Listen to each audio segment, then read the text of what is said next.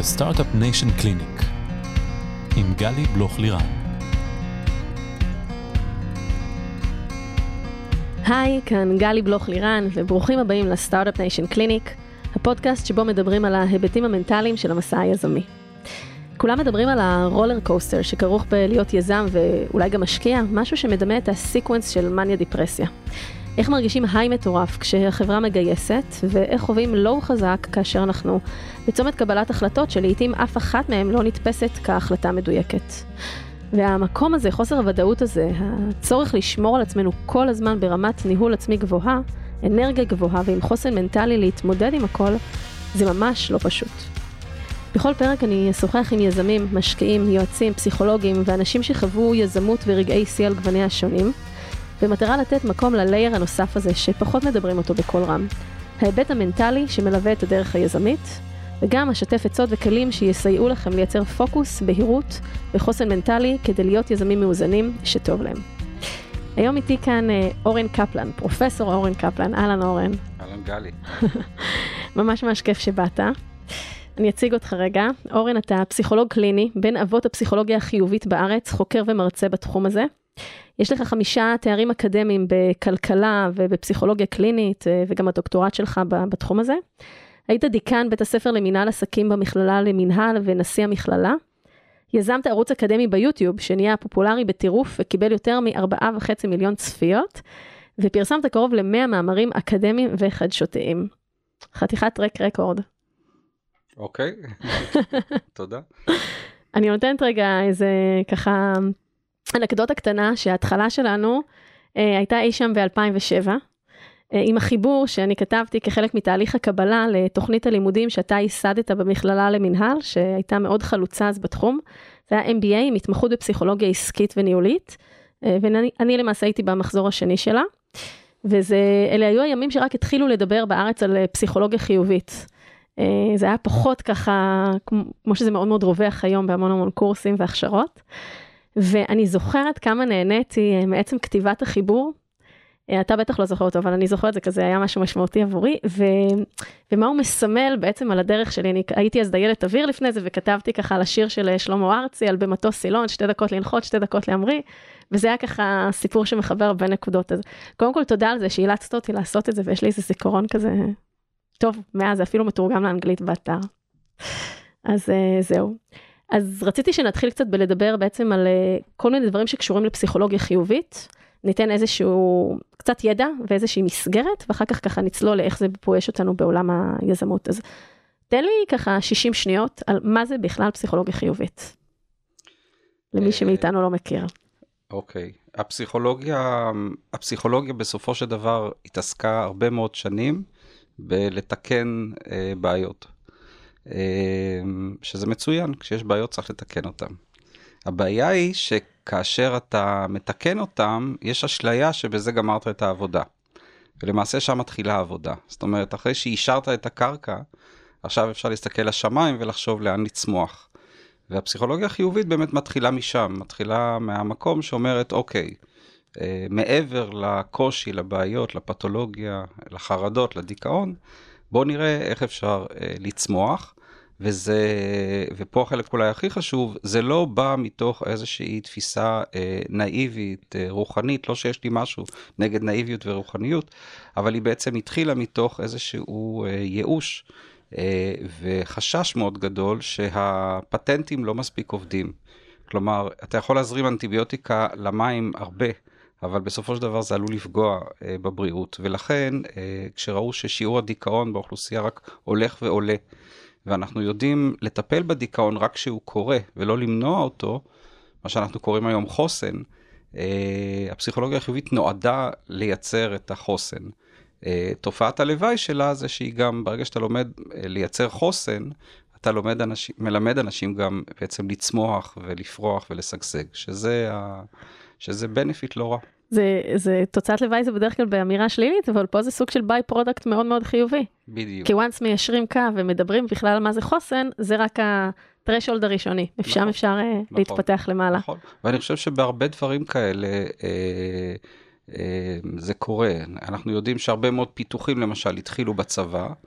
אה, ואחר כך היה להם שימושים אזרחיים שהעיפו את זה לשמיים בצורה הרבה יותר משמעותית. זאת אומרת, מתחילים הרבה פעמים באמת משהו יזמי או משהו חדש מתוך איזושהי מצוקה, אה, כשברגע הזה חושבים על פתרון באמת לבעיה, ואחר כך מגלים שיש לזה באמת כל מיני השלכות אה, מאוד חיוביות לדברים נוספים.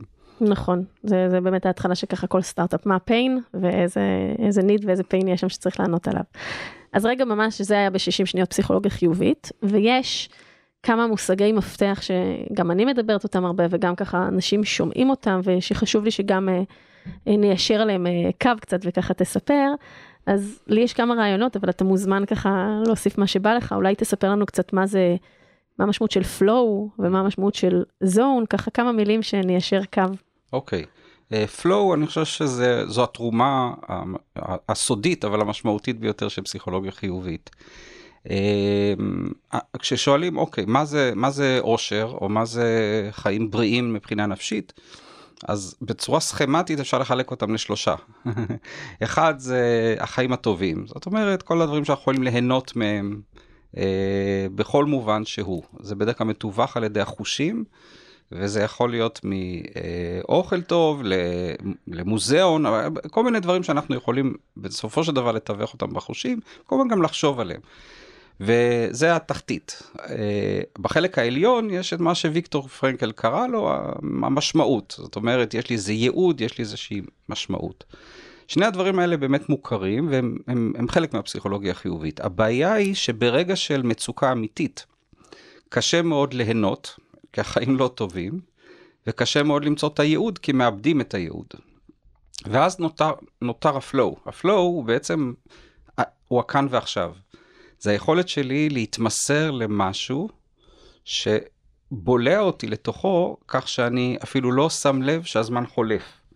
כן? למשל, כמו איזה סרט טוב או ספר טוב, שאני צולל לתוכו ואני אפילו לא יודע שאני כבר קיים, כי זה חלק מההנאה בספר או סרט טוב, שאתה נבלע לתוכו. אה, או שאתה מגיע לעבודה בתשע בבוקר ואופס שבע בערב. זאת אומרת, הזמן חלף מבלי ששמתי לב. זו חוויית הפלואו. ואנשים תמיד שואלים אותי, טוב, מה כל כך טוב שהזמן חולף מהר? אז זו אינדיקציה חיובית, כי כשרע לנו הזמן לא זז, אנחנו מסתכלים על השעון, משהו מציק, והאינדיקציה היחידה שאנחנו באמת יכולים לשים לב אה, כשמשהו טוב קורה בהווה, זה שהזמן חולף מהר. ואז אנחנו, ברגע שאנחנו קולטים את זה, אנחנו יכולים להתחיל לאתר באמת אה, דברים בחיים שלנו, בעשייה שלנו, שבהם הזמן חולף מהר, ולהבין איזה חוזקות יש שם, איזה תופעות יש שם, ואיך אני יכול לש, לשחזר את הדבר הזה. והדבר הזה יכול לזמן באמת חיים טובים, זאת אומרת, לעשות את הדברים שאני גם נהנה מהם, זה יכול לייצר גם ייעוד, אבל ברגעי מצוקה, שכל השאר הולך לאיבוד, יש לי הרגלים אה, של שגרה אה, לצלול למשהו שקצת מזיז אותי. מה, אה, מהמצוקה. ובימים שקורים בארץ מדי פעם, למשל של אה, תקופות מלחמה. למשל. למשל. לא נסגיר מתי אנחנו מדברים כעת. בדיוק. אולי יקשיבו... שזה יהיה על זמני. בדיוק. אבל זה קורה בארץ מדי כמה שנים. בדיוק. אז, אז בזמנים האלה, יכולת שלי להתמסר למשהו שאני כבר מורגל אליו, ושמעביר את הזמן בצורה משמעותית וגם יוצר אה, הנאה, יוצר סיפוק, יוצר אה, יוצר חוסן בסופו של דבר, אה, יש לזה חשיבות מאוד גדולה. וזה השורש גם, בחש... כפי שאנחנו תופסים אותו היום, של, של הצמיחה הפסיכולוגית. כלומר, שם נוצרת למידה, שם נוצרת... אה, כי, כי משמעת עצמית יש לה בסופו של דבר אנרגיה מאוד מוגבלת. ה flow זה אנרגיה שלא צריך להתאמץ בה. אתה אמנם מאמץ את עצמך עד הקצה, אבל אתה עושה את זה מתוך מקום של חוזק, ולכן יש לזה חשיבות כל כך גדולה. וואו, אז, אז אני אגע רגע בכמה נקודות. קודם כל, אני לא זוכרת את שמו, אבל זה היה איזשהו פסיכולוג אה, צ'כי לדעתי, נכון? שטבע את מונח ה flow. כן, יש לו שם ארוך כזה. כן, הונגרי, צ'יקסנטמיהיי. כן. הונגרי. אני חצי צ'כית, חצי הונגריה, אז מותר לי אה, לטעות ב... כן. נכון, אז, אז זה הוא. ובעצם אה, זה משהו שלעיתים הרבה מאיתנו חווים, אבל לא יודעים לשיים אותו, והוא באמת כל כך חשוב, כי ברגע שאנחנו מבינים את ה-state of being הזה של flow, שבעברית זה נקרא זרימה, כן. שזה גם יפה, כי בעצם על מה אנחנו מדברים? אנחנו מדברים על איזשהו סוג של מצב אנרגטי. של, של איך אנחנו מרגישים טוב בתוך המצב שאנחנו נמצאים, שהזמן חולף, אנחנו זורמים, ולא ממקום רע של אה, זורמים וכאילו לא אכפת לנו מה יהיה, אלא להפך, מתוך מקום של נוחות, אה, אה, נינוחות, סליחה, נינוחות כזאת מאוד טובה, ושככה טוב לנו בתוך העשייה הזו, וזה באמת כוח מאוד מאוד משמעותי בעשייה של אנשים, בצמיחה של אנשים ובצמיחה של חברות וחברות. כי בעצם כש, כשאנשים נמצאים יותר בפלואו, אה, ונהנים מהעבודה שלהם ונהנים מהתרומה שלהם, בעצם הכל משגשג מסביב. וכמו שאתה אומר, ברגעים קשים יותר, גם יש עוגן למעשה לחזור אליו. כן, אבל פה כן חשוב לעשות איזו הבחנה בין אה, הגישה של פסיכולוגיה חיובית, שהיא גישה יותר נגיד מחקרית באופי שלה, וגם יותר קוגניטיבית באופי שלה, לבין אה, גישות אה, נגיד רוחניות שבאות אה, בדרך כלל מהמזרח. שעוד פעם, אני מאוד מחובר להודו ולמזרח, ולכ... אבל אה, במקרה הנוכחי אה, הוא מאוד שונה. תדייק לנו. זאת אומרת, אה, אפשר לחשוב על פלואו כמקום באמת, אפרופו זון ואיזשהו חיבור והנאה. האמת היא אבל שבתוך פלואו, כשבודקים את הקריטריונים, הם קריטריונים מאוד מכניים וטכניים. שאין בהם בהכרח הנאה גדולה או סיפוק, זאת אומרת, אתה, עבר הזמן מהר, אתה שואל את האדם, תגיד, זה היום מהמאושרים בחייך? הוא אומר, לא, זה היה סתם יום. Mm-hmm. זאת אומרת, אני חושב שהיופי שה, של הפלואו הוא דווקא לא ברומנטיזציה של... היכולת שלי לשקוע למשהו שמרתק אותי, אלא דווקא בשגרה החיובית. בפשטות שלו. Uh, כן, זו שגרה uh, חיובית שבה הזמן חולף, ואין לי ציפיות או דרישות יותר מזה. כי עוד פעם, ברגע מצוקה, אם אתה חושב שאתה תצלול מהמצוקה לאיזה הנאה גדולה, אז זו אשליה, זה לא יקרה. הסיפור בפלואו שכל מה שיש בו זה שהזמן חולף מהר, נקודה, ובזמן הזה שהזמן חולף מהר, יש לך יכולת עשייה, משהו קורה שם. אחרי שאתה מסיים עם זה, משהו בך יכול לצמוח. אבל זה לאו דווקא, אה, זה, ו, וזה יכול לקרות עם הנאה או סיפוק, אבל זה ממש לא תנאי. אה, ולכן יש לו חשיבות כל כך גדולה, כי הוא מתאר, קודם כל, לדעתי, 80% מהזמן שלנו, כי אנחנו לא יושבים כמו עכשיו עם חיוך על הפנים ו... אה, תלוי מתי, אני משתדלת כן. שיהיה לי חיוך על הפנים, אורן, אני לא יודעת מה איתך. את משתדלת, אבל אם תסתכלי באמת... הקמטים שלי מעידים שכן. תצלמי את עצמך, את תגלי שאת מחייכת הרבה, אז נגיד את מחייכת 20% מהזמן. הבן אדם הממוצע יחייך עשרה אחוז, חמישה אחוז. כן, ילדים, זו הסטטיסטיקה, ילדים כן. ילדים צוחקים הרבה מאוד, המבוגרים מפסיקים לצחוק, אבל שוכחים לצחוק. ואני חייב לציין את המחקר שהראה שכשהדביקו לאנשים עם פלסטר את הפה בצורה צוחקת, קרו דברים מאוד חיוביים. הם לא יכלו לחשוב על דברים שליליים, ומשהו באופטימיות שלהם מאוד התחזק. אז יש יתרון גדול uh, אז מסר ראשון משמעותי שיוצא מפה זה לחייך, זה טוב לבריאות, זה משפיע על העשייה שלנו. וגם מה שאמרת בנוגע לפלואו, יש בזה איזשהו, אולי זה קצת מופשט, אבל משהו מנרמל כזה טיפה, גם בהסתכלות על אושר, ש, שזה, אושר זה לא חייב להיות באיזושהי פסגה של איזה דברים מטורפים כאלה שקורים once in a lifetime, זה יכול להיות בדברים המאוד קטנים, אפילו זה שאנחנו שוקעים עכשיו לאיזשהו מרחב עבודה כזה, או מרחב כתיבה, או מרחב שהייה עכשיו בתוך איזושהי פעולה, וטוב לנו בה, והזמן עובר, יש שם המון טוב בתוך הדבר הזה. כן, אני חושב שהמילה אושר יש לה הרבה אסוציאציות. בוא נדבר עליה. ו... אז זהו, אז לרובנו יש אסוציאציה של איזו שמחה גדולה. Uh, וזה ממש uh, לא הכיוון, זאת אומרת שמחה, ועוד פעם, אני נשמע כמו איזה פארטי פופר שכל הזמן אומר, לא רוחניות לזה, אני עוד פעם, אני בעד השמחה, אבל התרומה שלה לאושר שלנו היא די קטנה, בסופו של דבר. אה, יש רגשות עם עוצמה הרבה יותר גדולה, אה, כמו הכרת תודה, כמו גאווה, אה, איזושהי תחושת סיפוק כזאת שמתמלאת מבפנים. יש את ה, באמת את החיבור לאנשים שאני אוהב ומרגיש ככה את הלב מתכווץ. ויש שמחה, כן, יש חלק שגם צוחק ושמח, שזה נחמד. אבל הסיפור פה הוא באמת איזה שהם רגשות חיוביים ש, שמלווים אותנו. והמילה עושר כל כך טעונה, שאני מעדיף לקחת את המונחים המאוד יבשים של הלשכה המרכזית לסטטיסטיקה, אגב, בכל העולם שמודדת את השאלה הזאת כבר 60 שנה, ושואלת, כשאתה מסתכל על חייך באופן הרחב ביותר, עד כמה שבע רצון אתה מחייך? שבע רצון, נו. שבע רצון. שבע רצון, חזרנו. עכשיו, כשמישהו אומר בין 1 ל-10 שהוא שבע רצון 10, תסכים איתי שהוא מאושר.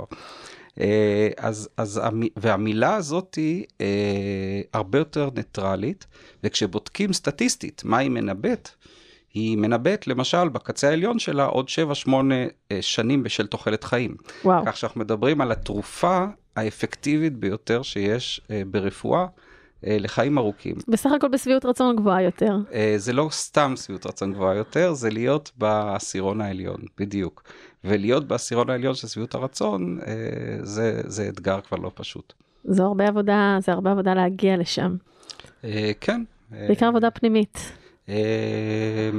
אז זהו, שזה עבודה פנימית, אה, ויש אנשים שמקשיבים לנו וזה מרחיק אותם, כי יש, כי החלק של העבודה הפנימית מתקשר לרוחניות, לרוחניות לטרנספורמציה, לכל מיני דברים שקשורים אה, למקומות אה, באמת יותר אה, רוחניים, מיסטיים לפעמים. ויש משהו בגישה ההתנהגותית, קוגניטיבית, אה, רציונלית, אה, שנכנס עם הפסיכולוגיה החיובית ומשתלב עם הגישות, גם הרוחניות, שמדבר לקהלים מאוד רחבים. זאת אומרת, אני, אני רואה את זה כשאני מדבר עם אנשי רפואה, עם אנשי צבא, עם אנשי בנקאות, אנשים שהם מאוד פרקטיים, מאוד ציניים לפעמים, ומתחברים לגישה הזאת בצורה, בצורה מאוד אינטואיטיבית ומאוד חזקה. תן לי דוגמה קונקרטית. תראי, בסופו של דבר אנחנו שואלים מאיפה נצמח. ו, אה, וכמה מהזמן שלנו, למשל בניהול, אנחנו עוסקים בצמיחה וכמה אנחנו עוסקים במניעת צרות. אה, מה שקורה זה שרוב העיסוק בניהול מה, מהיסודות שלו עוסק בטיפול בבעיות. אתה מזמין יועץ ארגוני כשיש בעיות, אתה מזמין יועץ בכלל כשיש בעיות, אתה הולך לפסיכולוג כשיש בעיות, ולמעשה אה, מה שאתה מאפשר לעצמך זה להרים את הראש מעל המים. טיפול למעשה, זה בטיפול, זה לא במנע. זאת אומרת, המטרה שלך במט... בדבר הזה היא להרים את הראש מעל המים, שלא תטבע. יפה, עכשיו אתה צף על פני המים, אתה יושב על החסקה ומסתכל על השמיים. אוקיי, איפה מזה אה, צומחת אונייה? איפה מזה צומחת מפרשית? אוקיי, איפה מזה אני מתחיל ליהנות מהים? אה, המטרה של מישהו זה לא אה, להינצל מתביעה ולשכב פרוס על החסקה ולהגיד ניצלתי. זאת אומרת, זה חשוב מאוד להינצל אם יש בעיה כזאת, אבל השאלה מה עושים משם. ומה שאני מנסה לומר לאותם מנהלים זה שצריך להפוך באיזושהי צורת הסדר. זאת אומרת, צריך לגדר את ה-20% שבהם אנחנו עוסקים בטיפול בבעיות, אה, ולעסוק 80% מהזמן בטיפוח ובצמיחה. ואם זה לא הולך בצורה אינטואיטיבית, אז אפשר שיהיה צוות שיעשה את זה. ואז למשל, יש לנו צוות מו"פ. צוות מו"פ, לפעמים ממש צריך להפריד אותו בגדרות מהארגון כדי שיוכל לצמוח. ולא לטבוע בתוך כל ה-considerations. ולהפך, וצוות של טיפול בסיכונים. אה, כי לפעמים באמת אי אפשר לעשות את זה בעת ובעונה אחת. כשאתה שוקע לתוך הדאגות, הרבה פעמים אה, אי אפשר להתנתק מהם. זה טראנס כזה, אבל אה, זה, זה, זה חלק מהסיפור. בסוויץ' הזה הוא סוויץ' שאנשים, באמת, גם יזמים אגב, הם מאוד מתחברים אליו, כי הם, הם מיד מבינים את הפוטנציאל. זאת אומרת, הזמן שלנו מוגבל, וכמנהל הזמן שלך באמת, אה, הוא אף פעם לא מספיק. גם אם תבנה עוד שתי קומות ליום, זה לא יעזור.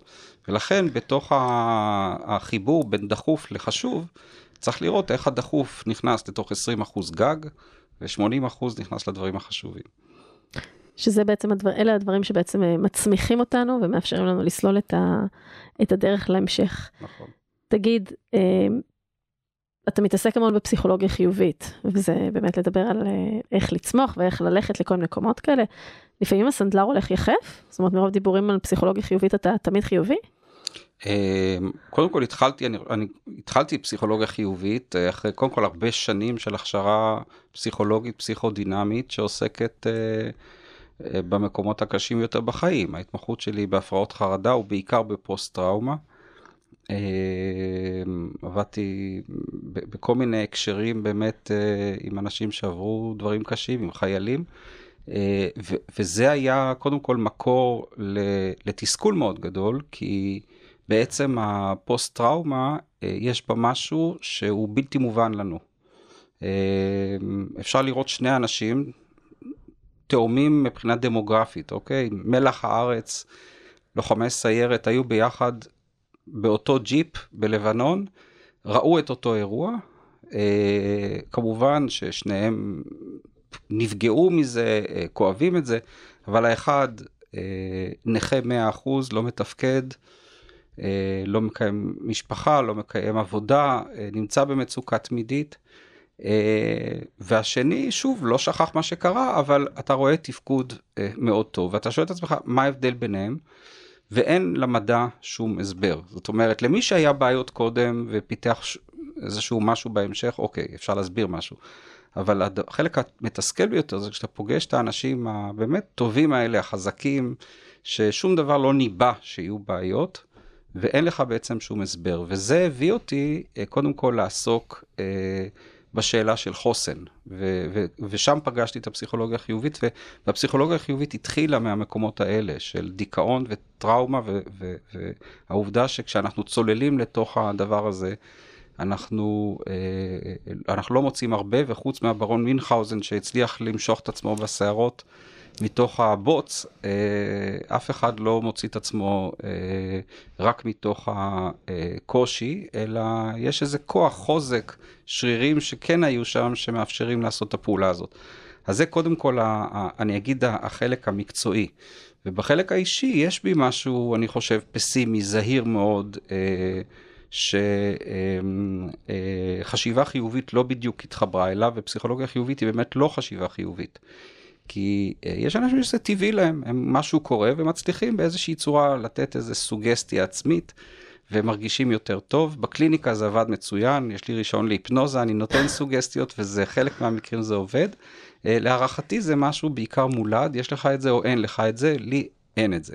אבל יש בי כן איזו אופטימיות ארוכת טווח, זאת אומרת, אני יודע שבסוף יהיה בסדר, אה, ואז הפסיכולוגיה החיובית מאוד מאוד התאימה לתפיסה שלי ולגישה שלי, כן? כי אה, אתה, הפסיכולוגיה החיובית לא מכחישה את קיום השלילי, זאת אומרת, כל מה שהיא אומרת, בספקטרום של החוויות, יש אה, מנעד שהוא בעייתי ושלילי, החוויות השליליות, הקשיים נוחתים עלינו בהתפלגות, אה, מה שנקרא הוגנת לחלוטין. אנשים מאושרים ואומללים, זה נופל עליהם באותה מידה, ואין לנו שום יכולת למנוע את בדרך כלל, כי אם היינו יכולים למנוע זה לא היה קורה. לעומת זאת, את החוויות החיוביות, את הכוחות, את היכולות, דווקא שם יש לנו שליטה, ומהמקומות האלה אני אה, חושב שאפשר לפעול. אז, אז לשאלה אם הסנדלר הולך יחף, אני חושב שאפשר לבנות, לבנות אה, את, את הנעליים המתאימות, ואני מנסה, זה מה שאני מנסה לעשות. ותמיד שואלים אותי, אז אתה מאושר? אז אני אומר, אני, אני יותר מאושר. אומרת, צריך לשאול אותך, האם אתה שבע רצון? בדיוק, אז אני יותר שבע רצון, והסיפור פה הוא לעלות מ... כל מש... מ-6 ל-7, מ-8 ל-9, זאת אומרת, לא צריך להיות גם גרידי ו- ולחשוב כל הזמן על ה... בגלל זה ה flow הוא כל כך מוצלח, בגלל שהוא מונח שלא מדבר על עושר גדול, או על איזושהי חוויה אה, אה, אקסטזית של משהו, אלא הוא מדבר על זה שהזמן חלף ולא שמת לב, נקודה. זה בעצם ביחס לעצמך, כל פעם עוד קצת יותר. כן. עוד קצת כן, לצמוח, כן. עוד קצת להיות יותר גבוה, עם נכון, החוט ככה שמושך נכון, אותך למעלה. נכון, ופה אגב יש ל flow, יש בן דוד שקוראים לו מיינדפולנס, ולמעשה הוא, הוא, הוא, מה שהוא אומר זה אם נשים לב למה שקורה מסביבנו, יכול להיות שנוכל למתוח את החוויה למקום באמת קצת יותר משמעותי, אם נשים אליו לב. אה, ו, ובאמת אה, יש תרגיל שאני עושה עם הסטודנטים שלי, עם... משתתפים בקורסים בפסיכולוגיה חיובית, שאני אומר להם, תחשבו רגע אה, על דברים נורא קטנים ביום-יום, שלוקחים 5-10 דקות, נגיד לשתות קפה אה, בשקיעה. אה, להקשיב לשיר שמזמן לא שמעתם, ובואו נתכנן לשבעה ימים הקרובים, כל יום, אה, פעילות כלשהי שלוקחת 10 דקות, משהו קצר שאתם יכולים לעמוד בו, ובואו תתכננו אותו מראש. וכל אחד מתכנן דברים יחסית פשוטים, אבל דברים שכן מעוררים איזושהי, איזשהו עונג אפילו במחשבה עליהם. אה, ותעשו אותם בשבעה ימים הקרובים. כל יום בערב לפני השינה, חמש דקות לשחזר את הדבר הזה. וזהו, עכשיו כשאומרים זה וואו, זו פעילות הכי טריוויאלית בעולם, נכון? אבל בעצם עצם התכנון של הדבר הזה, אפילו אם אתה עושה אותו אגב, יכול להיות שאתה שותה קפה לאורך שקיעה, אבל אתה לא תכננת את זה. האטנשן אליו גם. בדיוק, הקישביות, התכנון, ו- וכמו שאת רואה, הספונטניות היא, היא לא בהכרח ה- מה שאנחנו מקדשים אותו. זאת אומרת, זה נחמד להיות מדי פעם ספונטני, אבל דווקא המובנות, יש לה יתרון מאוד גדול. ודבר כזה פשוט של שבוע עושה בוסט לבערך חצי שנה של אה, המעבר הזה מ-6 ל-7 או מ-7 ל-8. חצי שנה יש לו אפקט שמחזיק, שזה די מדהים שדברים כל כך קטנים אה, יכולים להשפיע באופן כל כך חזק.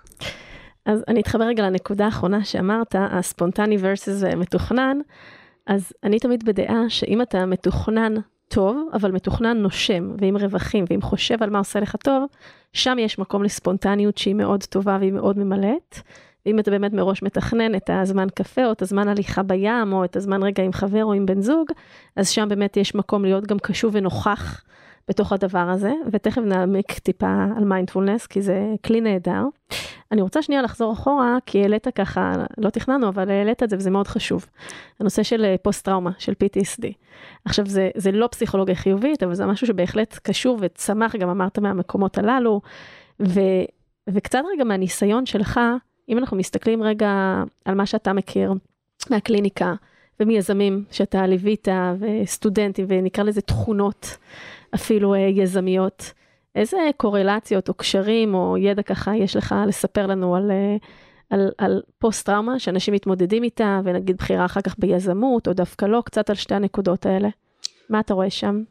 אז זהו, אנחנו צריכים לעשות הבחנה בין פוסט-טראומה במובן הטכני. זאת אומרת, למישהו חווה חוויה מאוד קשה, ועכשיו הוא אחריה, שזה פוסט-טראומה, כן?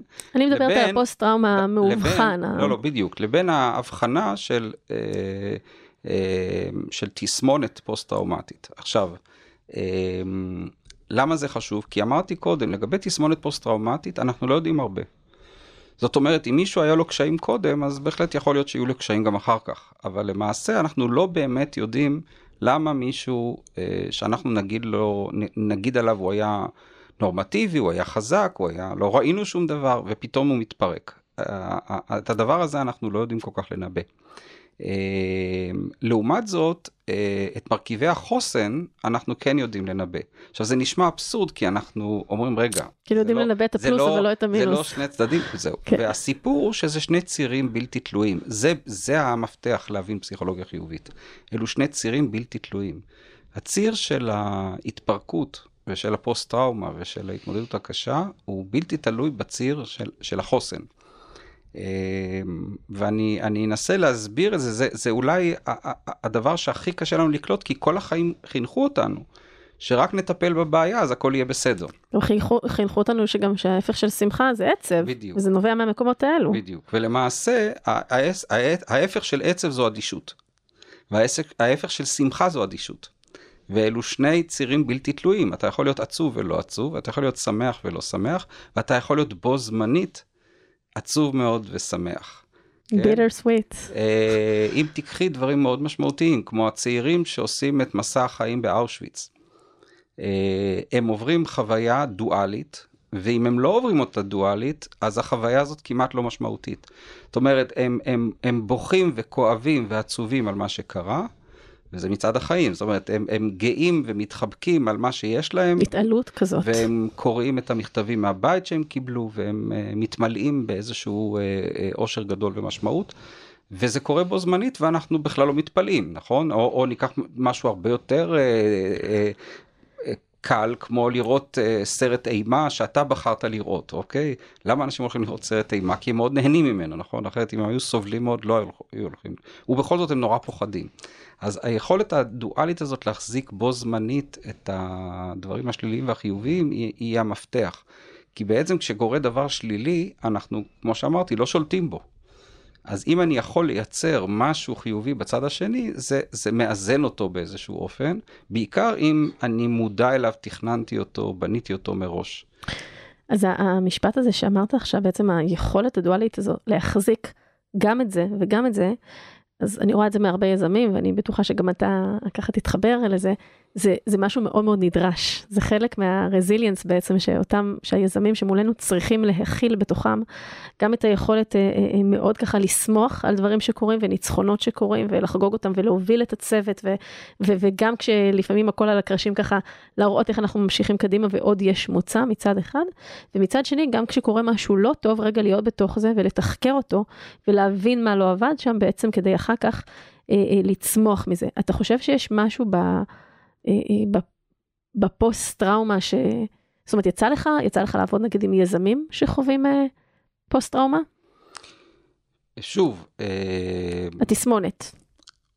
מי ש...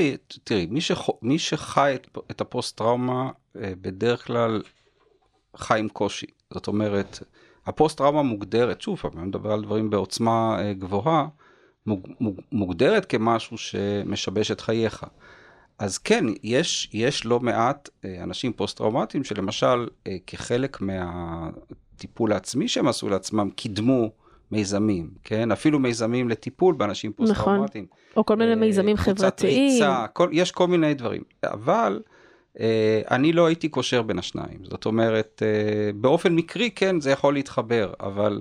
אה, זה דווקא לא, בעיניי לא, לא הסיפור המרכזי. את הזכרת את הביטוי resilience, ו- ובאמת uh, בעולם תוכן הזה יש שני מונחים שבאים מהפיזיקה, אחד הוא, הוא, הוא סטרס, שזה הלחץ, mm-hmm. גם התסמונת הפוסט-טראומטית, זה, זה, זה post-traumatic stress disorder. הסיפור mm-hmm. עצמו זה ה stress, mm-hmm. והביטוי השני זה ה resilience. עכשיו, שניהם באים מפיזיקה. הסטרס זה בעצם ה- הלחץ שמופעל על החומר. אה, והשאלה האם הוא יתפרק או לא, כן, בסופו של דבר, או מתי הוא מתפרק, והרזיליאנס זו גמישות החומר. היכולת של החומר אה, להיות אלסטי ו- ולפעמים לחטוף מכה, אה, להימתח לאיזשהו מקום and to bounce back, לחזור חזרה למצבו הקודם. עכשיו, חומר שיש לו resilience, אה, הסטרס שלו בעצם אה, אה, הוא, הוא עמיד, כן? שם יש עמידות. אה, ובסופו של דבר, במונחים היזמיים היינו אומרים שהיכולת להפוך לחץ לאתגר הוא בעצם ה-resilience, הוא החוסן, כי מצבי הלחץ הם גם מצבים שמדליקים אותנו. הרי יזם בלי שיהיה לו לחץ לא יעשה כלום, זאת אומרת, זה חלק מהסיפור זה שיש לחץ, אבל... לחץ וניבוי לדברים לא טובים ועצות לא טובות, זה חלק מהדרייב שמזיז אותו בעצם קדימה וגורם לו לרצות לעשות משהו נכון, אחרת. נכון, זה יוצר, זה כמו סרט מתח, זאת אומרת, כן. זה יוצר אקשן. אבל כל עוד הוא, הוא נמצא בטווח של התחושות שהוא מרגיש שהוא, שהוא, שהוא שולט בהן, אגב. אה, ברגע שזה יוצא משליטה, שם בדרך כלל נמצאת ההתפרקות, או שם נמצא בעצם חוסר האונים, וה, והמפתח אגב הוא חוסר אונים. בדיוק, ובעצם חוסר האונים זה, זה מושג מאוד מאוד בסיסי, בעצם בתחילת פסיכולוגיה חיובית, נכון? על ידי זליגמן, חוסר האונים הנרכש, אתה גם הכרת אותו, נכון? ספר כן. לנו קצת על זה. אז זליגמן היה חוקר דיכאון מאוד מפורסם. אה, בשנות ה-60 היו מחקרי חוסר אונים נלמד או נרכש. נרכש. אה, ניסויים לא נעימים במיוחד לכלבים שחשמלו אותם במטרה כמו לאלף אותם, לקפוץ, לזוז, אה, עוד לפני שמגיע השוק החשמלי. ומה שהם גילו זה שבאמת כלבים שלא יכלו לברוח מהשוק החשמלי, בסוף נשכבו על הרצפה בסוג של דיכאון, וכך בעצם התפתחו מודלים לניבוי דיכאון. אז המודל הזה של חוסר אונים נרכש היה ב, ב, בלב העשייה שלו, ומה שהוא גילה, שהיו כלבים במחקרים האלה, שמשום מה, מה שלא עשו להם, הם המשיכו להיאבק. הוא שאל את עצמו, והיו כאלה אגב שנשכבו בהתחלה ולא זזו, זאת אומרת, הוא שאל את עצמו, אוקיי, מאיפה הטמפרמנט הזה? זאת אומרת, האם זה באופי שלהם, או אם זה משהו שאפשר בעצם לחזק אותו, וכך הוא התחיל לזוז מהמקום של חוסר אונים נרכש, לאופטימיות נרכשת ולהתמודדות בעצם אה, עם, עם, עם הפתרון, כן? ליצירת חוסר אונים. כי, כי זה המפתח, חוסר אונים, העובדה שבעצם אני לא יכול לעשות כלום, זה אומר אין אור בקצה המנהרה, זה אומר אין תקווה, זה, זה המפתח בעצם לדיכאון ולהתמוטטות. וקשה ככל שיהיה המצב, אבל אם יש שם אור בקצה המנהרה, בעצם אה, יש כל הזמן, נשארת תקווה, ואז הבן אדם נשאר פרואקטיבי, כי יש לו למה לשאוף. וזה בעצם המפתח, כי, כי כשאנחנו חושבים על פוסט-טראומה, אנחנו חושבים על אירוע מאוד קשה. רוב המקרים של פוסט-טראומה זה לאו דווקא אירוע עד כדי כך קשה. לפעמים זו תאונת דרכים, קלה אפילו שלא קרה כלום. אבל אדם לכאורה ראה את המוות מול העיניים, ואז פתאום הוא פוסט-טראומטי. ולהפך, אנשים עברו לפעמים דברים נוראים. ויקטור פרנקל כותב על השואה, על אושוויץ, ובכל זאת, אה, הוא בא ו- ומשתמש בחוויות הקשות כל כך שהיו לו, אה, כדי ללמד אנשים ולחשוב על משמעות. אז אין לנו באמת אה, קורלציה אמיתית בין עוצמת הקושי לבין הפוסט-טראומה, וזה הבעיה עם הסיפור הזה. מפוסט טראומה אני רגע רוצה לזוז, אם אנחנו כבר נכנסנו ככה לעובי הקורה של ה-DSM והפסיכולוגיה האבנורמלית, אז בואו נעבור רגע לעוד מושג, אה, שאני רואה אותו בין אם הוא מאובחן או לא מאובחן, וכמובן אם כן זה הולך לטיפול פסיכולוגי וכולי, אבל אה, אה, כל מה שקשור רגע למאניה דיפרסיה. כי אנחנו מדברים הרבה בעולם היזמי, על המאניה דיפרסיה, על ה sequence הזה, על ה ups, על ה down, ואי אפשר להימנע לא מזה ולא מזה, אבל הרעיון הוא קצת איכשהו לצמצם את האמפליטודה, ככה את, ה, את הפער בין ה high ל low, אבל אני רוצה רגע, זה משהו שהוא בריא והוא טבעי, ואלה חיי היזמות. ושם באמת צריך לעבוד עם המון חוסן ופסיכולוגיה חיובית ומיינדפולנס ועוד המון המון כלים כדי להתמודד עם הדבר הזה. אני רוצה לשאול אותך אבל במקומות כפסיכולוג קליני, המאובחנים, של מניה דיפרסיה, ואיך לדעתך זה כן קשור ליזמות, כמה אתה מכיר יזמים שכן חווים מהדבר הזה, ככה לשמוע את הטייק שלך על זה.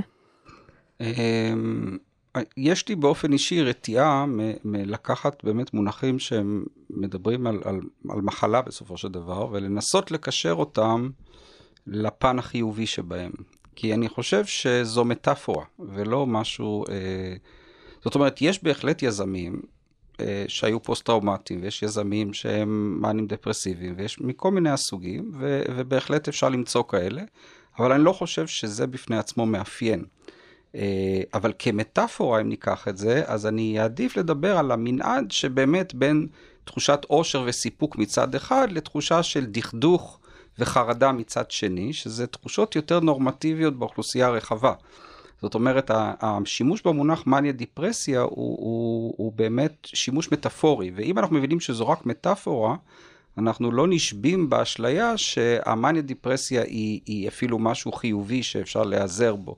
כי מי שיש לו מניה דיפרסיה במובן של הפרעה, אה, סובל מאוד, וסביבתו סובלת, והוא היה רוצה להיפטר מזה, וברור שברגעים של המניה, אה, אנחנו יודעים שוואן גוך למשל, או הרבה אה, יוצרים ואנשים יצירתיים מאוד, ברגע של המאניה, לפעמים פרץ מהם היצירה המאוד גדולה. Mm-hmm. אבל באותה מידה יש אנשים שלא היו מאנים דפרסיביים, וברגעים של השראה פרצה מהם היצירה, ולכן לא צריך את המאניה לצורך העניין. אני דווקא הייתי הולך למנעד אחר, שהוא אגב מנעד מאוד מעניין מבחינה מגדרית, כי כשאנחנו בוחנים את המנעד בין אה, קושי לאושר, אנחנו רואים שלנשים יש מנעד מאוד רחב בממוצע. זאת אומרת, אה, אנחנו יודעים, תמיד הסתכלו על, על נשים כ... כ אומרים המין החלש, זה נובע מזה שלנשים יש פי שתיים פחות או יותר שיעור חרדה ודיכאון מגברים. אבל בעצם כשנכנסו למחקרים של פסיכולוגיה חיובית, גילו תופעה מוזרה אחרת, שנשים גם פי שתיים מאושרות מגברים. אה, ואז זה קצת מערער אה, אצלנו הגברים את התחושה הזאת של, כן, להיות המין החזק, כי בעצם כשאתה שואל בן אדם מה באמת רוצה בחיים, הוא רוצה להיות מאושר. Mm-hmm. ואז אפשר לעשות רפרמינג לכל הסיפור, כי זה בעצם הייתי אומר, לנשים יש מנעד רחב יותר, הן יותר נותנות לעצמם, או יכולות בעצם ל... ל לצאת לצד הקשה יותר, של לספוג את החרדה או את הדיכאון או את הקושי, ובאותה מידה to bounce back, ולהרגיש גם אושר.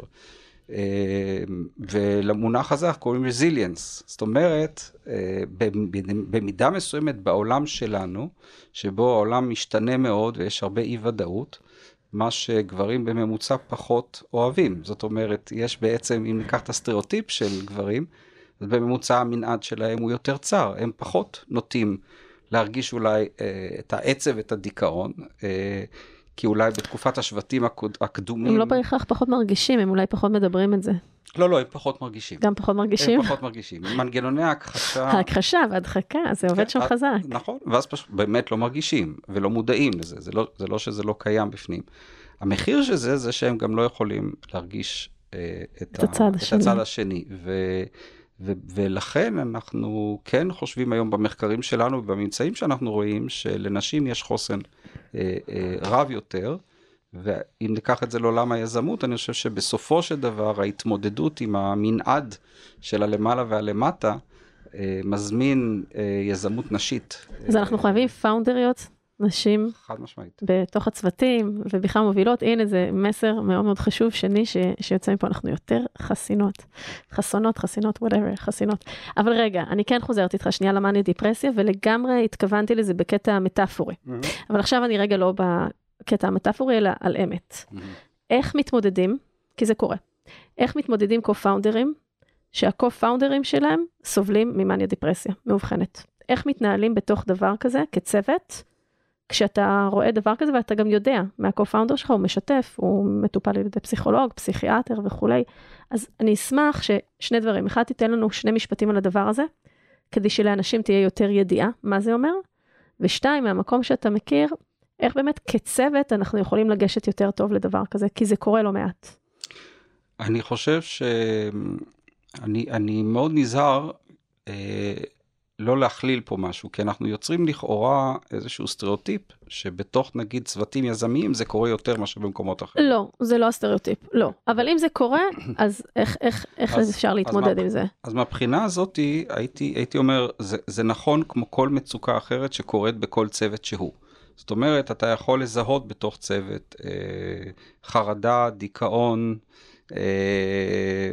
התנהגות מוזרה, אה, ו, וההתפלגות של זה בקרב יזמים היא לא שונה מאשר בקרב הקהל הרחב. אני יודע שיש מיתוס כזה הרבה פעמים, שיזמים הם יותר היפראקטיביים והם יותר אה, מאנים דפרסיביים.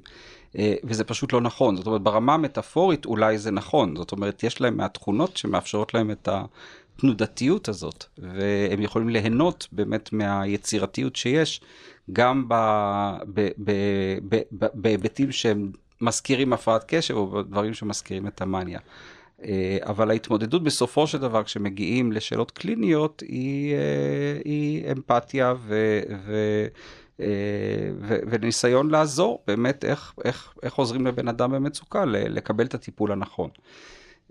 אחד הדברים אני חושב ש... שמכוונים אותי בתחום של פסיכולוגיה חיובית שהיא מבחינתי טיפת חלב.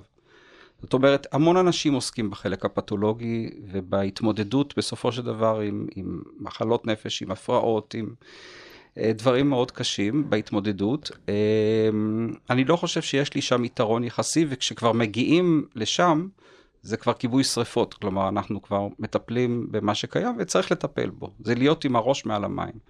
אני חושב שהפסיכולוגיה החיובית, הרעיון שלה היה לא להגיע למצב הזה. זאת אומרת, איך אנחנו בונים אה, מראש איזשהו מהלך שאנחנו לא מגיעים להתפרקות. אה, עכשיו, אם מישהו באמת נכנס להתקף פסיכוטי או להתקף אה, מאני או דפרסיבי או כל דבר אחר, אובדני, יש הרבה מאוד, אז הוא זקוק באמת לעזרה מקצועית. וכשזה קורה בתוך צוות זה באמת לא פשוט. אבל מהבחינה הזאת אין, אני לא רואה בעולם היזמות, בעניין הזה חשוב לי מאוד דווקא להדגיש שלמרות המיתוסים הקיימים, זה לא עולם שבנוי אה, דווקא ממשהו במובן הפורמלי פתולוגי שלו, זאת אומרת, אה, זה לא עולם שבנוי מפתולוגיות, זה עולם שבו התכונות שנדרשות והסקילס שנדרשים מביאים הרבה פעמים להמון התנהגויות קצה.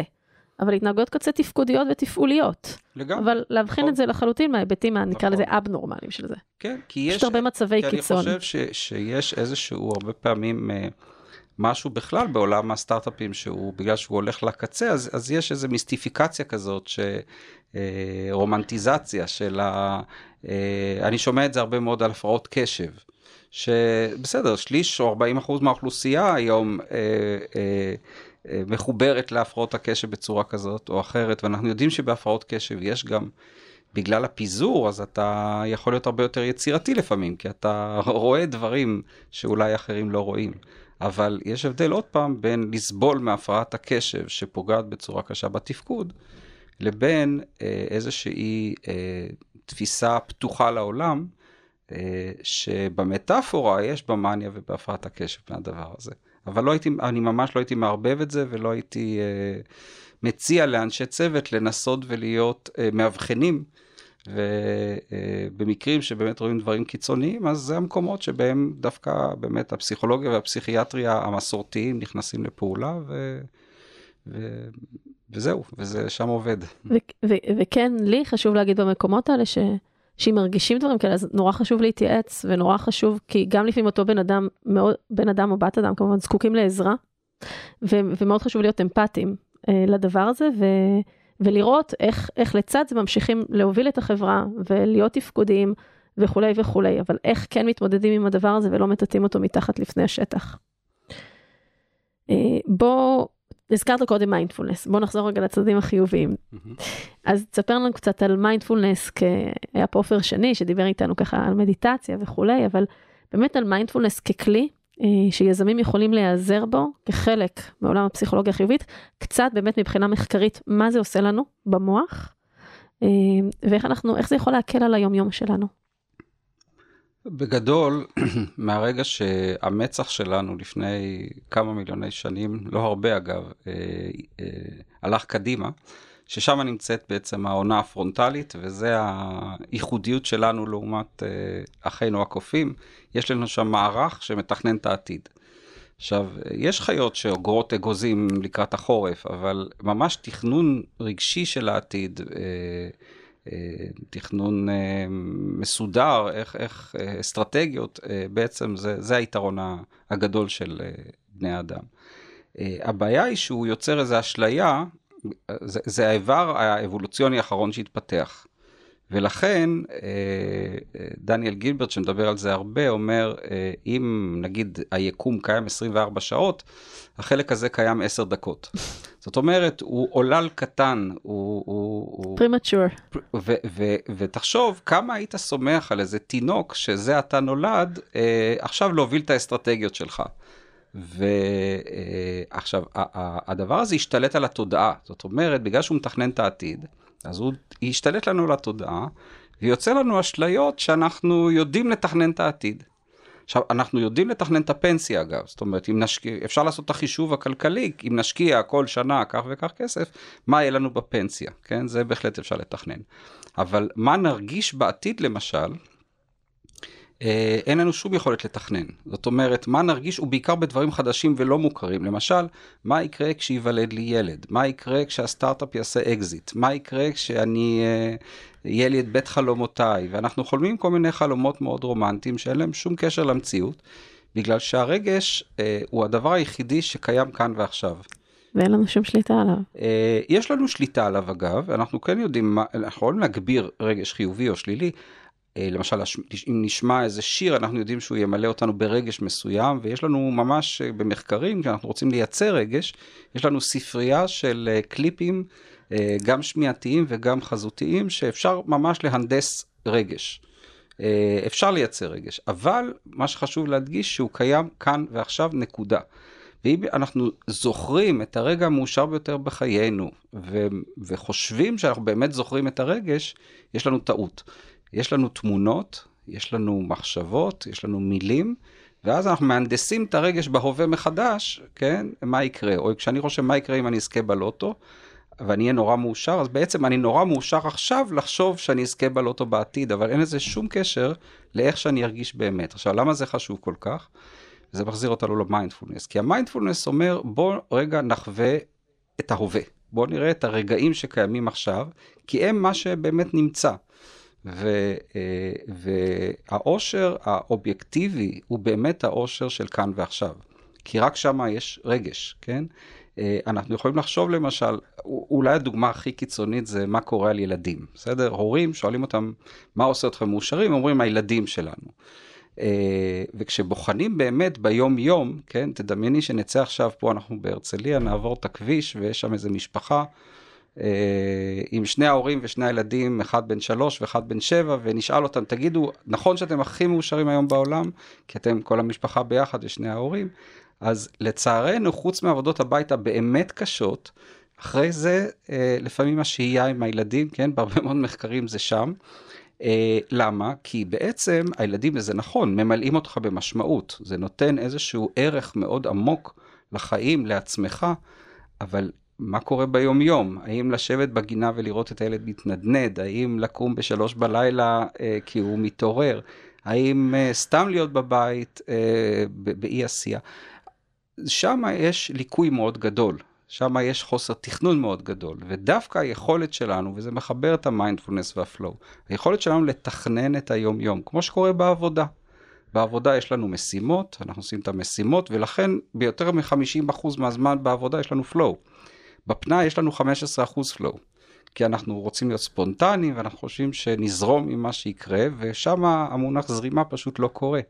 ולכן, אם אני חושב, אם הילדים שלי כל כך יקרים וחשובים לי, אה, מה אני עושה איתם שייצר רגעים כאלה חיוביים.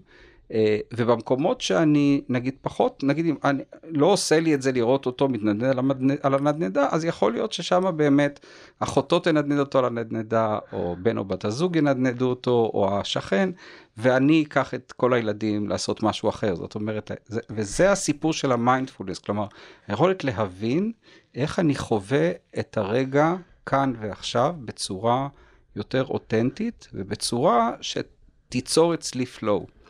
ו, אה, אה, וזה בעצם המשאב החשוב ביותר שיש לנו, הזמן בכאן ועכשיו. כל התכנונים העתידיים וכל מה שקרה בעבר, הם לא משאבים באמת זמינים. אבל אם אנחנו נתכנן בצורה הגיונית את הדברים שעושים לנו טוב, למשל הבנים שלי הם יודעים שהם נורא אוהבים לצאת לדייט עם אימא, ואימא אוהבת לצאת לדייט עם הבנים, והדייט שלנו הרבה פעמים אומר לשבת בבית קפה ושאני שותה קפה והם שותים שוקו, ומאוד מאוד כיף לנו ברגע הזה. אז אם אנחנו נתכנן ונתווה יותר את הפעילויות שעושות לנו טוב, אז נוכל שם להיות בכאן ועכשיו, שהוא יותר מדויק עבורנו, והוא יותר אותנטי, ואז כולם נהנים ממנו, ולא בהכרח להיסחף לפעילויות שהם לא בדיוק מה שבא לנו לעשות. נכון, והאות... ואגב, הספונטניות תקרה שם. זאת אומרת, כשיש... כשהסטינג נכון. כשגידרת את הזמן, יצרת את הזמן המתאים, יצרת את התנאים, שם יקרו דברים ספונטניים, כי פתאום הם, אה, במקום שוקו ירצו משהו אחר, אה, במקום, אה, פתאום תהיה שם איזו הופעה שלא ציפיתם לה, פתאום תעשו משהו שלא חשבתם עליו. ובאמת אלוהים נמצא בדברים הקטנים והספונטניות נמצאת בדברים הקטנים האלה. ולא רק הספונטניות, היכולת להיות עם attention באמת למה שקורה שם ולראות את הדברים הקטנים היפים הללו, זה מה שמאוד ממלא, בין אם זה הנצנצים על הים ובין אם זה ההופעה הקטנה בבית קפה או כל אחד מה שהוא אוהב, באמת פתאום לה, להעריך, ואז גם המילים שדיברת עליהם קודם, קודם של הוקרת תודה. gratitude על מה שקורה עכשיו, על הסיטואציה שאנחנו נמצאים ועל הזמן שבחרנו להשקיע בדבר הזה ובחוויה הזו ובעצמנו, זה, זה בעצם מה, ש, מה שהופך לנו את החוויה הזאת לטובה יותר. נכון, ואת ה... והיכולת הזאת לקשביות היא לא קורית אה, באופן טבעי, והיכולת שלנו להרגיל את עצמנו, רגע לעצור אה, מהטראנס של החיים, כי מה שקורה, אנחנו נכנסים לתוך איזה טראנס ואנחנו לא עוצרים, כן? אנחנו עושים איזה משהו ו... וכאילו אי אפשר לעצור אותו. אה, והיכולת שלי לעצור רגע, אה, לעשות הפסקה, ללכת לשתות קפה, לדבר עם מישהו במסדרון, הדבר הזה מאפשר באמת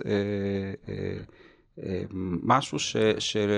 כן, ניקח את הביטוי workaholism. ה-workaholism הוא, הוא משהו אובססיבי, בעצם אני יכול להיכנס לאיזה רצף מסוים של עשייה שהיא לא מוצלחת, אה, ואז אני, ואני בכלל לא שם לב לזה, כי אני כל כך אה, טרוד וכל כולי שם. ואגב, בהרבה מאוד תהליכים יזמיים זה מה שקורה. זאת אומרת, אתה פיתחת איזה קונספט, אתה רץ איתו, רץ איתו, רץ איתו, אתה לא מעז לשאול שאלות כי זה ברור לך שזה הכיוון הנכון, ולמעשה יכול להיות שאתה באמת מפספס. והיכולת לעצור, לשאול שאלות, לבלום פתאום, אה, הוא קורה מה, מהדבר הזה של המיינדפולנס, להסתכל כאן ועכשיו מה מתרחש. ואז פתאום אפשר לשים לב למשהו שלא עובד לפי התכנון. כי יכולת שלנו לשכנע את עצמנו שזה הכל עובד לפי מה שחשבנו, היא יכולת מאוד חזקה. וזה זה צורך יזמי משמעותי מאוד מאוד מאוד, כל הזמן לעצור, לשאול את עצמנו, לבדוק עם הצוות, לעשות דיסקאברי עם היוזרים, באמת כל הזמן אה, לבחון מחדש את הנחות העבודה שלנו, אה, כדי לדייק יותר ולהיות יותר מחוברים למה שקורה. אורן, בוא ניקח עוד אה, נקודה אחת ככה לפני שנסיים. אנחנו מדברים על פסיכולוגיה חיובית ואיך זה בא, אה, איך זה יכול להיות כלי בעצם אה, בחיי יזמות, ודיברנו על מיינדפולנס, ודיברנו על flow ועל resilience, והתמודדות עם סטרס, ו, ו, ו, ועוד כמה ככה מושגים, אבל בעצם אמרת בוא נבנה, בוא נבנה חוסן, בוא, בוא נדאג מראש שהמצב יהיה טוב יותר, אבל עכשיו אנחנו מגיעים ומתמודדים עם רגע משבר. וזה קורה, זה קורה הרבה, יש הרבה רגעים משבריים, הרבה צמתים מאוד מאוד משמעותיות של קבלת החלטות כזאת או אחרת. אז איך שם הפסיכולוגיה החיובית יכולה להיות לנו לעזר אד הוק ככה בנקודה מסוימת? אמ, שוב, אני, אני תמיד אעדיף לחשוב על, על אה, בנייה מקדימה ולא על כיבוי שריפות. עכשיו, אם הגענו כבר לכיבוי שריפות, אז כן, אז יש, uh, התפיסה היא תפיסה של משאבים, ששואלת, אוקיי, uh, יש חצי כוס ריקה, מצער מאוד שאי אפשר לשתות מים מהחצי כוס הריקה, אבל מים יש בשפע בחצי הכוס המלאה, בואו נראה איפה שותים. Uh, ואז באמת uh, בגדול זה, זה איפה יש לי משאבים שיכולים לעזור לי ברגע זה. המשאבים מחולקים הרבה פעמים ל... Uh, מצד אחד רעיונות יצירתיים של משהו שלא חשבתי עליו קודם, והדבר השני והמשמעותי ביותר זה אנשים, social support. בעצם ההתמודדות החברתית היא הדבר החזק ביותר שקיים ברגעים של משבר. לא סתם ביהדות אה, בנו טקסים למשל של אבל, של שבעה, שלושים שנה, שבשנה הזאת יש תשומת לב רבה יותר מצד הסביבה, כן? הרעיון הוא בעצם אה, לחבק את המתאבל, לתת לו החזקה. אה, והרעיון הזה מגיע מתוך ההבנה שה... של ה-social support. כן, ו- ולמעשה ב- ב- ברגע אה, של משבר, הדבר החשוב ביותר זה להקיף את עצמך אה, בצוות וב- ובאנשים שאתה מעריך ומוקיר ו- ו- ו- ולהישען עליהם. ו- ולהאמין שבעצם בחיבור הזה יקרה משהו טוב, גם אם כרגע אתה לא, לא יכול לראות את האור בקצה המנהרה. באמת אה, צוות זה אחד הדברים הכי הכי חשובים שיש לנו בתוך אה, עולם היזמות, זה אחד הדברים שמשקיעים מסתכלים עליהם הכי הרבה. אה, וגם אנחנו, גם צוות ברמה של ה-co-founders שלנו, בהנחה ואנחנו בצוות ולא מייסדים יחידים, וגם צוות שהוא לא בהכרח ה-co-founders, העובדים שעובדים איתנו, התמיכה שיש לנו מהבית, מבני הזוג, מהמשפחה הקרובה אלינו, מהחברים, באמת להתמודדות עם הרבה רגעים שהם לא פשוטים. נכון, ופה אגב רואים הבדל מאוד גדול בין יזמים מתחילים ליזמים סדרתיים. ש? שהיזם המתחיל בדרך כלל אה, חושב רק על הרעיון, ואומר, הצוות זה לא משנה, זאת אומרת, אני אוסף את האנשים הכי מוכשרים באיזה תחום ויהיה בסדר. אחרי הסטארט-אפ הראשון, כן, כי רוב הסטארט-אפים מן הסתם לא הפכו למה שהוא ציפה, הוא אומר, אני ביליתי uh, אה, 12-16 שעות ביממה עם אנשים שלא התחברתי אליהם כל כך, והיו הרבה חיכוכים ומריבות, ו... ופתאום אני קולט שאני צריך לבלות כמה שנים, זה לא uh, תהליך קצר, uh, במחיצה של אנשים, והבעיה היא לא לגבש את הרעיון המוצלח בשנה הראשונה. אלא מה עושים בחודש השני של השנה השלישית, אחרי שכבר גייסת. זה ודברים... משפט שלקחתי ממך, אתה יודע. אז זהו, אז אה, אה, מה, מה קורה שם, וזה המפתח. ואז אנשים, אה, אם הם מספיק מודעים לעצמם, אז כבר בסטארט-אפ השני, הם יחשבו קודם כל על הצוות. ואז זה מתקשר כבר לכל השיחה של ערכים וחזון וכולי, דיברנו על זה עם שי וינינגר מלימונייד, ממש בהרחבה, לא מזמן, על באמת בתור יזם סדרתי איך בוחרים לפי ערכים נכונים, באמת האנשים שנוכל ויהיה לנו כיף לרוץ איתם, גם בשנה השלישית, בחודש הרביעי, וזה עדיין אה, יהיה כמו שצריך. נכון, וזו השאלה אגב, מאוד, שאלה מאוד מרכזית שמפנים אליי, באמת אה, משקיעים וקרנות, איך, איך אנחנו מגייסים את המנכ"ל, שלא רק יחזיק את הצוות אה, בשנה הראשונה, איך אנחנו יודעים איך הוא יתפקד באמת באותה שנה שלישית, כשיש כבר לחץ ויש כבר מערכת אחרת, ו, ושם אה, זה לא רק הכישרון, כי יש אנשים מאוד מוכשרים ואנליטיים ו, ו, ומצליחים להמציא דברים מופלאים. אבל בסופו של דבר אתה צריך גם את, ה... את החוסן הנפשי ואת עבודת הצוות בשביל להזיז את הדברים קדימה. ובאמת גם הרבה מחקרים מדברים על זה שיכולים להיות הרבה כישורים שאנחנו מוכשרים בהם והרבה יכולות והרבה דברים באופי וכולי, אבל ה-mental resilience, אפילו, איך היית קורא לזה? זה, זה, זה תכונה, זה skill, זה משהו ב-DNA, איך היית קורא לדבר הזה? יכולת, זה, תראי, זה קצת מהכל, כזה, זה איזושהי... הכינוי הכי פופולרי שלו זה אינטליגנציה רגשית, כן? אנחנו מדברים על זה שבסופו של דבר, כשאת מסתכלת על גאונות, אז, אז פחות או יותר ב-120 IQ, שזה בסך הכל סטיית תקן אחת מעל הממוצע, שם ממצה לרוב הדברים ה-IQ את הפוטנציאל שלו. זאת אומרת, אתה לא זקוק להרבה יותר, כי נגיד יש לך 160, אבל אין לך את האינטליגנציה הרגשית. לתמוך אז, בזה. אז, אז מה שקורה זה שחסר לך רכיב. מאוד מאוד מרכזי בשביל להתקדם, ו, ועוד עוד עשרה, עשר יחידות של איי-קיו לא, לא, לא יעזרו שם. Uh, השולית, uh, יש שם תרומה שולית פוחתת. Uh, ולכן אנחנו יכולים לראות אנשים שאולי מבחינת אינטליגנציה uh, הם, הם מאוד מוצלחים וזה, הם לא גאונים, אבל יש להם איזושהי יכולת אינטגרטיבית, כן? להביא כל מיני תכונות ביחד. והדבר הזה יוצר חיבור שהוא הרבה הרבה יותר חזק מרק אינטליגנציה נגיד. אני, אני מחייכת ככה על מה שאתה אומר עכשיו, מאוד מתחברת לזה. אני חושבת שאולי זה ככה אה, לקראת סיום, אני חושבת המסר הכי הכי חשוב שיכול לצאת מהשיחה שלנו, שכלכלה וניהול אה, ופסיכולוגיה, הכל משתלב ביחד לתוך עולם היזמות דרך המקום הזה של האינטליגנציה הרגשית הזאת, של ה-mental resilience הזה, שזה יכולת, תכונה, קישור, whatever, כל כך חשוב. זה מה שמחזיק יזמים, זה מה שמחזיק חברות, זה מה שגורם להם להמשיך לשגשג ולצמוח גם uh, כמה שנים אחר כך. וכדי שזה יהיה כמו שצריך, לא, לא מטפלים בדברים כשהם קורים, צריך לייצר יסודות אה, וקרקע אה, חזקה ואיתנה ושיתופית ומדברת ותקשורתית ואיתנה לכל אורך הדרך. ואז אנחנו מצליחים לצמוח משם ואנחנו 80% עסוקים בצמיחה ורק 20% עסוקים בבעיות ובכיבויי השרפות, ולא הפוך. וזה המקום שבו סטארט-אפים, לדעתי, גם לדעתך אני מניחה, צריכים להיות באמת כדי אה, לדחוף את הדבר הזה קדימה. ולהצליח במשימה שהיא כל כך מורכבת. זה נכון, כי, כי תראי, מה שבולט, באמת, הגאונות היא בולטת. כשמישהו יש לו איזה גאונות כזאת והוא פותר דברים, אז זה נורא נורא בולט. והאינטליגנציה הרגשית היא לא בולטת, היא דווקא נמצאת מלמטה, היא הרשת ביטחון שמחזיקה. אבל כשהיא לא נמצאת מרגישים, הרצפה נופלת. ו, ובאמת היכולת שלנו אה, לשים דגש על השילוב הזה של הכוחות, של אה, גם הכישרון והרעיון והחדשנות, אבל גם האינטליגנציה הרגשית והרזיליאנס, כי בסופו של דבר, כשנסתכל על הסטארט-אפים או החברות המוצלחות ביותר שצמחו מסטארט-אפים, היו עוד אה, כמה וכמה לידם שיכלו להצליח באותה מידה, ודווקא הם צמחו. ו, אה, וזה לא נבע רק מהגאונות שלהם, זה נבע ממשהו נוסף שהיה שם. האקס פקטור הזה זה, של ה-mental כן, resilience, ה-differentiator הזה. שאני קורא לו הרכיב הסודי. הרכיב הסודי, בגלל... אני קראתי לו פעם החלקיק האלוהי. כן, כי הוא סמוי, בגלל שאנחנו פחות שמים לב אליו, הוא פחות בולט. אבל הוא כל כך חשוב.